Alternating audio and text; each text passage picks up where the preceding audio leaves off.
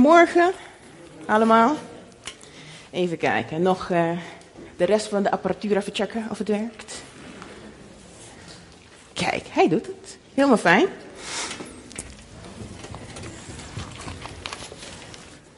Waar ga ik het vanochtend over hebben? Vorige keer toen ik sprak had ik het over, um, over de manier um, hoe je denkt, wat voor effect dat heeft op jouw geloof. Maar vandaag ga ik het hebben over wie zegt God dat ik ben. Want heel vaak kom je tot bekering, maar dan weet je niet precies van ja, ja, wie ben ik nou eigenlijk? Je hebt ook een andere kant van je identiteit in Christus, maar dat is een ander stuk, maar daar ga ik het vandaag niet over hebben. Maar meer letterlijk, wie zegt God dat ik ben? En waarom is dat belangrijk om te weten? Dit is een thema die, mij, die heel dicht bij mijn hart ligt. Door het weten wat God over mij zegt, heeft mijn leven veranderd. En ik hoop ook zo voor een ieder. Als je beseft wat jouw vader over jou zegt, dat dat verandering zal brengen in jouw leven. Het kwam niet 1, 2, 3. Daar heb ik wat voor moeten doen. Maar het is gekomen en daar ben ik God dankbaar voor. Ik zal heel kort beginnen met een verhaal. Laat je maar meenemen in het verhaal. Er was eens een klein meisje, vier jaar oud, heel onzeker. Niet wetende wie ze is.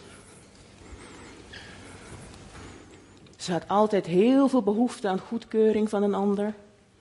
En zo werd ze steeds groter, ging ze naar de middelbare school. En toen ging ze studeren. En nog steeds die behoefte om te horen wat een ander over haar zegt. Wat de juf zegt, wat uh, haar vrienden en vriendinnen zeggen, wat andere mensen in de wereld, wat de popster zegt, wat uh, de reclame zegt, Maar dat kleine meisje, hoe, hoe, ze werd steeds groter en ging steeds negatiever praten over zichzelf. Ik ben niet goed genoeg. Ja, vinden mijn vrienden mij lief genoeg? Vindt mijn moeder mij lief genoeg? Vindt überhaupt iemand mij lief genoeg? En zo heeft dat heel veel effect gehad op het leven van het kleine kind, in het leven van de tiener en in het leven van de volwassen vrouw. En zo is dat een leidraad geworden. En wie is dat kind? Dat was ik. Ik wil een foto van mezelf zetten, maar ik dacht, uh, die zet ik maar niet. Goed. Maar zo heeft iedereen zijn eigen verhaal. Deze dia begint met gedachten die naar ons schreeuwen. Soms vinden we het heel moeilijk om diep in ons hart te geloven wat God over ons zegt. Dat we een geliefd kind zijn van de Hemelse Vader. Dat is heel moeilijk. Maar dat zegt God wel. En dat Hij blij is met ons. En die gedachten, die schreeuwen naar je toe. Van alle kanten komen ze. En ze schreeuwen. Maar wist jij ook dat zelfs Jezus woorden van bemoediging nodig had?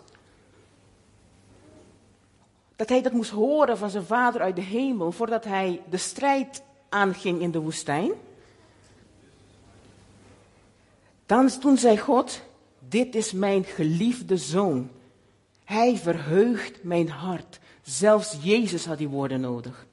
Om kracht uit te putten en de strijd aan te gaan.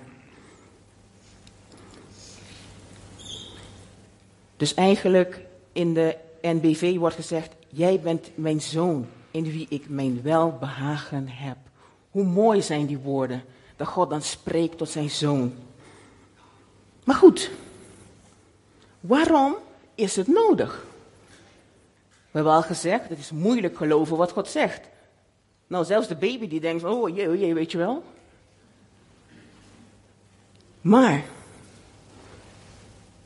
waarom is het nodig? Want dan komen die gedachten weer. In Romeinen, vers 12, Romeinen 12, vers 2 zegt, mijn excuses nu al, want er zijn een aantal stukjes dat de letter een beetje net te klein is. Dus uh, ik dacht dat ze nog beter waren, maar ik ga het ieder geval hardop lezen. U moet niet worden als de mensen die zich niets van God aantrekken. U moet anders worden door een nieuwe manier van denken. Dan kunt u ontdekken wat God wil. En wat Hij wil is goed, aangenaam en volmaakt. Als je tot bekering komt, komt er ook een nieuw leven. Maar er moet ook een verandering komen in je denken. En waarom? Eén, zodat je niet afhankelijk bent wat van anderen denken over jou, maar wat God over jou zegt. Zodat je leert hoe het is om van jezelf te houden. En als je van jezelf houdt, kan je anderen ook lief hebben. Want een van de, een van de dingen wat God heeft gezegd, heb je naaste lief. Hoe kan ik mijn naaste lief hebben als ik mezelf niet eens lief heb? Hoe ga je die anderen lief hebben? Hoe? En natuurlijk belangrijk, zodat je jezelf niet afwijst en de boze niet laat winnen. Dus, waar komt het op neer? Laat je niet langer leiden door de normen en waarden van deze wereld. Ook voor de kinderen tussen ons. Oh, moet ik een Nike? Moet ik uh, bepaalde kleding? Moet ik uh, echt die speelgoed kopen, want dan ben ik helemaal, uh, hoor ik erbij? Heb ik nou die mooie kleur shirt? Of een vriend komt, vandag houden we van paars. Nee, maar ik hou van oranje. Nee, nee, nee, paars is hip. Hou je niet van paars? Dan hoor je niet in onze groep. Maar zo gaat het ook in deze wereld. Ook de kinderen hebben hiermee te maken. Heel vaak is het gericht op uiterlijke dingen. Alleen het uiterlijk. Maar is dat alles? Is dat hoe God wil dat wij naar onszelf kijken? Laat je niet langer leiden door wat anderen zeggen of denken. Maar laat je leiden op de manier hoe God over jou denkt. Geloof niet langer dat de wereld um, je voldoening geeft door, omdat je dan, ik zie heel vaak op Instagram, van oh, alleen maar als je zo bent, dan hoor je erbij. Als je die kleding hebt, dan hoor je erbij. Als je in die hotel hebt verbleven, dan hoor je erbij. Als je, als je de wereld niet hebt rondgereisd, dan hoor je er niet bij. Is dat waar? Is dat waar? Nee.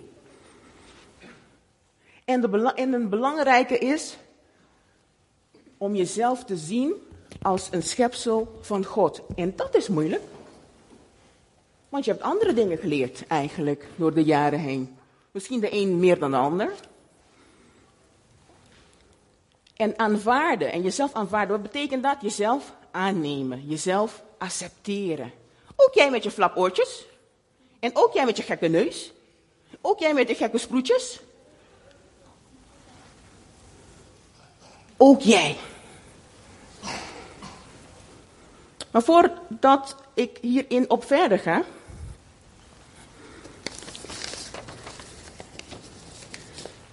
Is het heel belangrijk om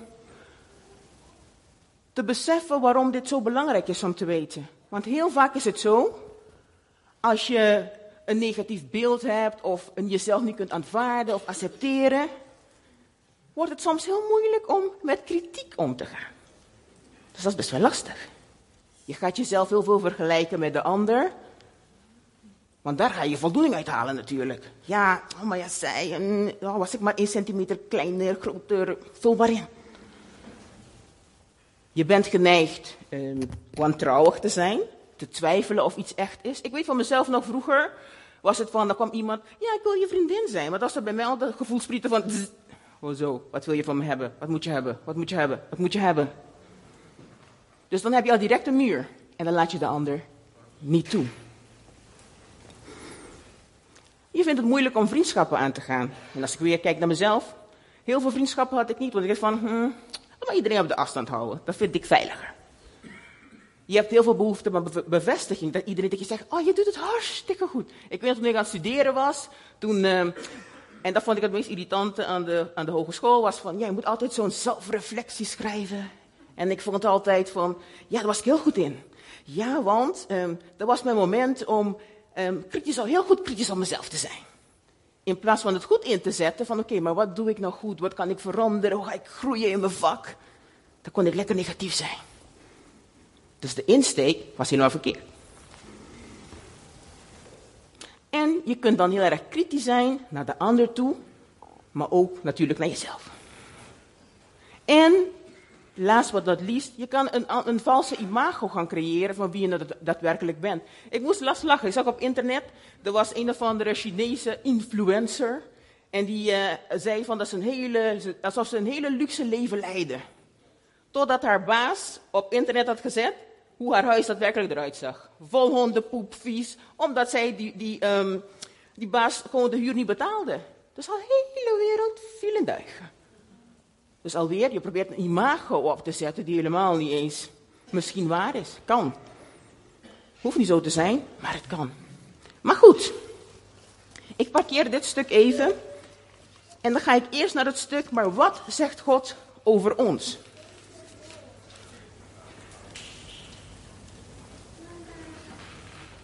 Ik heb hier een aantal versen gezocht. Ik heb veertien versen gezocht waar God iets zegt over wie je bent. Deze twee zijn iets minder goed te lezen, maar de rest wel. God zegt, je bent gemaakt met een doel. Want ik weet welke plannen ik over jou heb. Met deze plannen heb ik uw geluk voor ogen, niet uw ongeluk. Ik wil u weer een toekomst en een nieuwe hoop geven. Is dat niet geweldig? Dat staat in Jeremia 29, vers 11.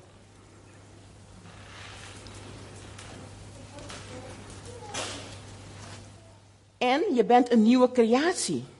Als u christen wordt, zegt het woord, wordt u van binnen helemaal nieuw. U bent als een ware een nieuwe, dus u wordt een nieuw geschapen door God. Er is een heel nieuw leven begonnen. Dit waren twee voorbeelden. Dan wil ik vragen aan degene die durft. Wie zegt God dat jij bent? Wie wil eens een poging wagen? Niet iedereen tegelijk. De kroon op de schepping. Oké. Kostbaar. Zeer geliefd. Mila, wat voor lieve dingen zegt jouw mama tegen jou? Dat je mooi bent? Zeg mama dat tegen jou? Ja, hè? Nou. Wat nog meer? Wat zegt God over jou? Iemand anders. Een parel.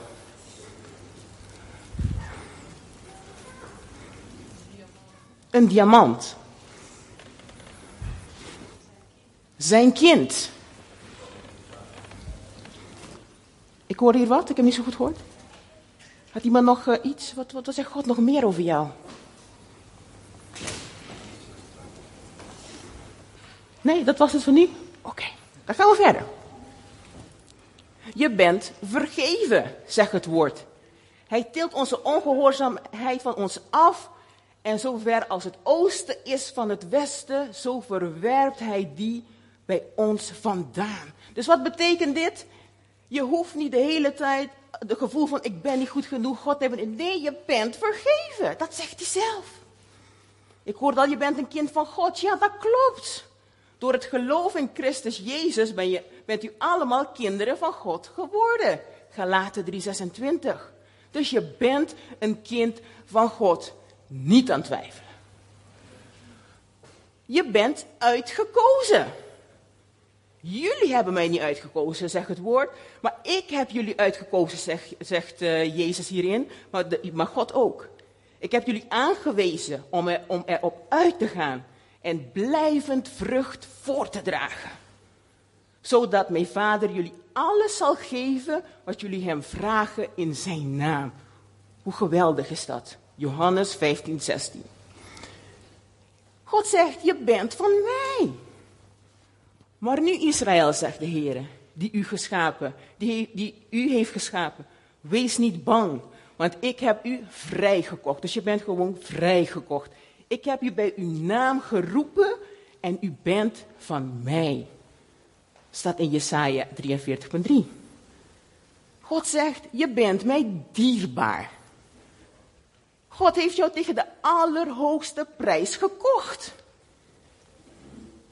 En daarom zegt hij ook dat wij met elk onderdeel van ons lichaam hem eer moeten geven. 1 Corinthians 26. Je bent zijn erfgenaam, dat zegt hij. Dus je bent niet meer langer een slaaf. Maar je bent Gods eigen kinderen, dat zegt hij. Als mijn, kind, als mijn kinderen hebt u recht op alles wat ik bezit. In Galaten 4:7. Dus als jij bidt en God vraagt, hij zegt, je hebt recht op alles wat ik bezit. God zegt, je behoort tot mijn gezin. Voor God bent u niet meer een vreemdeling. Je bent niet meer een buitenlander. Je hebt dezelfde rechten als de Joodse christenen. U hoort er nu ook bij. Dus je bent ook het volk van God. En je hoort bij zijn gezin. Efeziërs 2, hoe, hoe mooi is dit? God zegt, je bent uniek. U hebt mij immers in de buik van mijn moeder gemaakt, zegt hij. Mijn hele lichaam werd door u geweven. Dus je bent gewoon uniek. Hoe bijzonder is dat? In Psalm 139, 139 13. God zegt zelfs, je bent mijn oogappel. De Heere van de hemelse leger vol macht en majesteit heeft mij naar de volken gestuurd, door wie u werd onderdrukt. Want wie u aanraakt, raakt mijn oogappel aan. Dus in welke situatie je ook bent, wat er ook gebeurt, God zegt, ik zal je beschermen, want je bent mijn oogappel. Wauw, hoe geweldig is dat? Ik hoorde ook een parel. Ja, dat klopt ook. Een uitzonderlijk waardevolle parel. Het koninkrijk van de hemelen doet ook denken aan een koopman die op zoek is naar die ene mooie, echt een mooie parels, in ieder geval zegt het woord. En opeens ontdekt hij die ene van zo'n onschatbare waarde. Hij verkoopt alles wat hij heeft en koopt die ene parel. Omdat hij het zo kostbaar vindt. En zo heeft God ook Jezus voor ons, dat Jezus gestorven is voor ons. Omdat hij ons kostbare parels vindt. De moeite waard. God zegt, jij bent gemaakt naar mijn evenbeeld. God schiep daarom de mens naar zijn evenbeeld. Zo ben jij gemaakt, naar zijn evenbeeld. Hoe bijzonder is dat?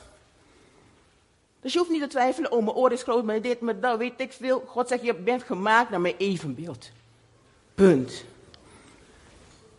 Ik hoorde ook waardevol. En dat klopt ook. Je bent waardevol. Geen enkele mus valt op de grond zonder dat je hemelse vader het weet. En wat kost nu een mus? Zegt het woord. Bijna niets. En verder zegt het woord, zelfs de haren op je hoofd zijn allemaal geteld. Zelfs de haren op je hoofd geteld. Dat God dat weet hoeveel haar je hebt. Nou, inmiddels eh, ben ik ook wel wat kwijt. Ik denk, Niels is ook wat kwijt, weet je wel. Maar God weet hoeveel haren je had en hoe je haar eruit ziet. Oké, dus we kinderen die geen haar hebben, mag niet. Mag niet. God weet hoeveel haren er zijn. Want jij bent voor God veel meer waard dan een zwerm mussen. Staat in Matthäus 10, vers 29 tot 31. Goed. Als je dit zo hoort, voor mij denk ik, wauw, hoe bijzonder is onze God dan, als hij zoveel geweldige dingen over ons zegt. En dan gaan wij twijfelen, oh jee, oh jee, ben dit niet, bent. Maar je vader, die spreekt. En ik weet dat het moeilijk is om dat soort dingen te geloven, maar. Dan komt de volgende vraag, maar hoe doe je dat dan? Ja, het is mooi, uh, je, je zit deze versjes mooi op te lezen, maar uh, ja, ja, de werkelijkheid is anders. Jij weet niets hoe moeilijk ik het heb. En jij weet niets wat ik doorheen ga. En jij weet niet. Maakt niet uit, maar God weet het wel. Ik hoef het niet te weten, maar God weet het. Belangrijk is jezelf te gaan zien als een schepsel van God, die geliefd is en geaccepteerd. Een schepsel is, dus voor de kinderen, dat God jou gemaakt heeft. En jij maakt zo af en toe ook zo'n popje, weet je wel, van klei of van iets. Dan is het ook jouw schepsel, dus je hebt ook iets gemaakt. En zo heeft God jou ook gemaakt. Um, een belangrijke punt is um, dat je niet um, blijft denken hè, van anderen en de wereld, dat dat de norm is, hoe je moet gaan leven. We moeten ons denken aanpakken, want dat is belangrijk.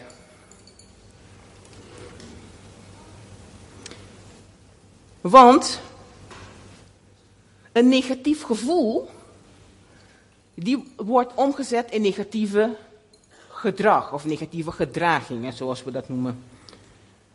Maar wanneer we eerlijk naar onszelf kijken, dan merken we gewoon dat, um, dat we niet aan ons gevoel en ons gedrag moeten werken, eh, of dat dat negatief is, maar het negatief denken.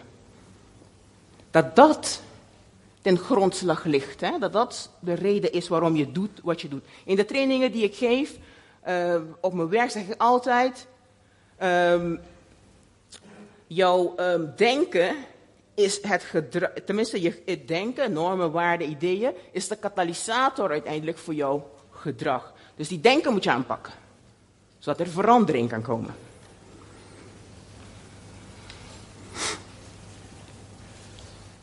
Belangrijk is de Bijbel te lezen.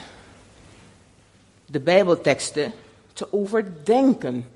Belangrijk. En wat er in de Bijbel staat, zo concreet mogelijk te proberen te begrijpen. En voor te stellen. Maar wat staat hier? Als God zegt, ik ben de waardevolle parel. Nou, ga je dan zo denken, oh wauw, een geweldige parel. Oh, die schittert, die is mooi, die is geweldig. Oh, zo, wauw. Belangrijk. En belangrijk is jezelf er steeds aan herinneren aan het woord. En er komt één belangrijk punt en dat heet proclameren. Wie weet wat proclameren is? Wat is proclameren? Hardop uitspreken.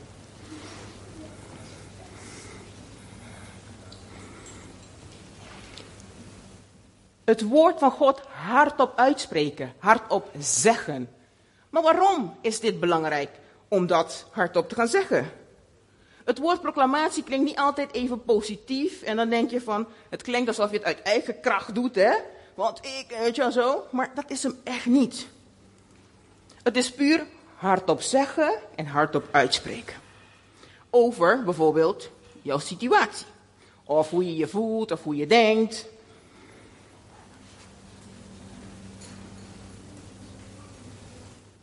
En waarom werkt proclamatie eigenlijk? Proclamatie werkt doordat je wanneer je de tekst hardop leest, echt de waarheid ervan gaat beseffen. Daarom is het goed om het woord hardop te zeggen, zodat je ook beseft wat er staat. Alles is ontstaan door het gesproken woord. Um, Oké, even kijken, jullie Bijbelkennis. Wat staat in Genesis 1, vers 3? Niet iedereen tegelijk.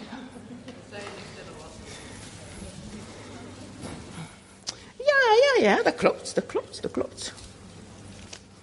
Elk scheppingswonder begint met en hij zeide. Hè? En God zeide, er zij licht en er was licht. Daarom is er zoveel kracht in het gesproken woord van God, God eigenlijk. Wist je dat er bijvoorbeeld meer dan 3000 keer in de Bijbel staat, God spreekt? Heb je het ooit geteld? Dus ik zou zeggen, begin te tellen. Dus misschien uh, kijken of het wel klopt. Hè? Je moet niet alles aannemen wat ik hier zeg. Hè? Dus begin te tellen. En dan uh, hoor ik het weer. Of wel klopt wat ik zeg. Dus alles is ontstaan door het gesproken woord. En Genesis 3 natuurlijk. Oké. Okay.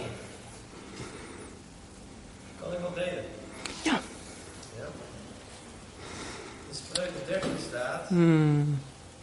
Van de vrucht van zijn mond zal iemand het goede eten.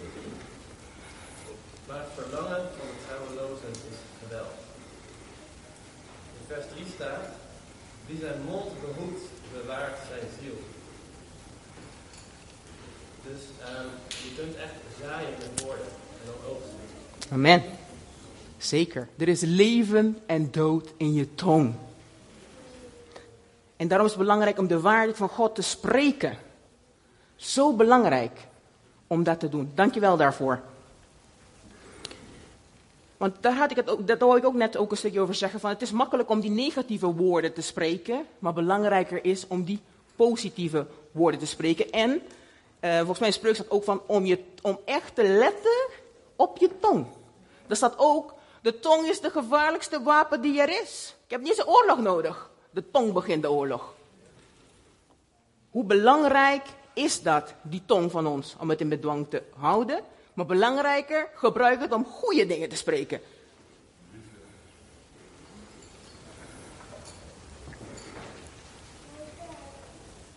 Het proclameren in ieder geval. God heeft grote kracht in het gesproken woord gelegd. Dus we hebben gekeken van, goh, alles wat hij zei en het, en het gebeurde.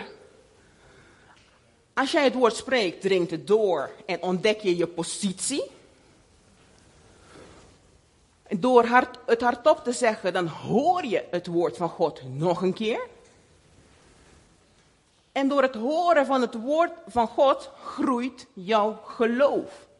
In Romeinen 10, 17 staat in ieder geval, zo is dan het geloof uit het horen en het horen door het woord van God. Belangrijk. In Jesaja 55, 11 staat, en zo is mijn woord ook. Ik stuur het uit en het levert altijd vrucht op. Het doet alles wat ik wil en bereikt datgene waarvoor ik het wegstuur. Hoeveel kracht is in het woord van God? En des te meer als jij die woorden over jouw leven gaat spreken. En één belangrijk punt is ook, als jij weet wat God over jou zegt, je spreekt het uit. Weet je wie er uh, een beetje begint te uh, shaken en bang wordt? Wie dan? Sorry? Precies, want hij heeft geen houvast meer over jou. Zo belangrijk. Weet je plek, weet je positie en spreek.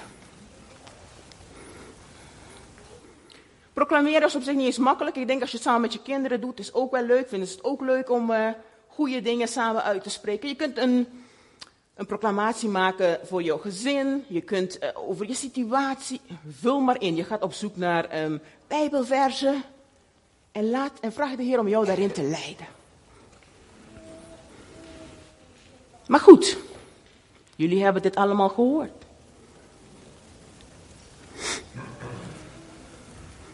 Oké. Dan wil ik jullie vragen. We gaan het ook in actie. We gaan ook een beetje ook in actie brengen. Dus dan wil ik jullie vragen. Laten we allemaal opstaan. Ik heb aan de hand van de Bijbelversen die ik net gebruikt heb, heb ik een proclamatie in ieder geval opgeschreven. Maar dan wil ik jullie vragen dat we met z'n allen samen hardop het woord van God gaan uitspreken zodat het ook waarheid wordt in onze leven. Ik heb allemaal puntjes, we beginnen elke keer punt tot punt. En probeer het als je het, als je het zegt vanuit je heen of vanuit je, hoe je het doet, maar dat, je, er kracht uitkomt. Oké, we gaan met punt 1. We, beginnen, we gaan met z'n allen.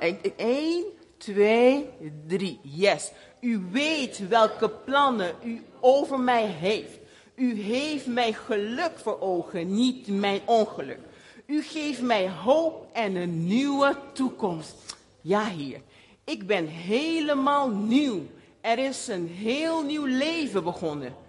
U hebt mij aangewezen om erop uit te gaan en blijvend vrucht voor te brengen.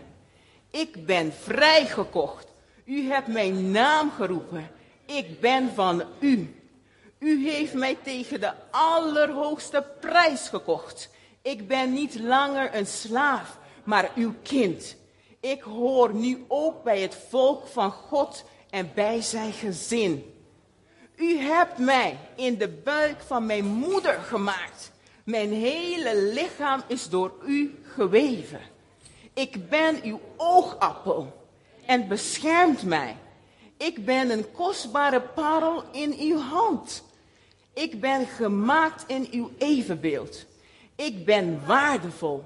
Zelfs de haren op mijn hoofd zijn door u geteld. Ik hoef mij geen zorgen te maken.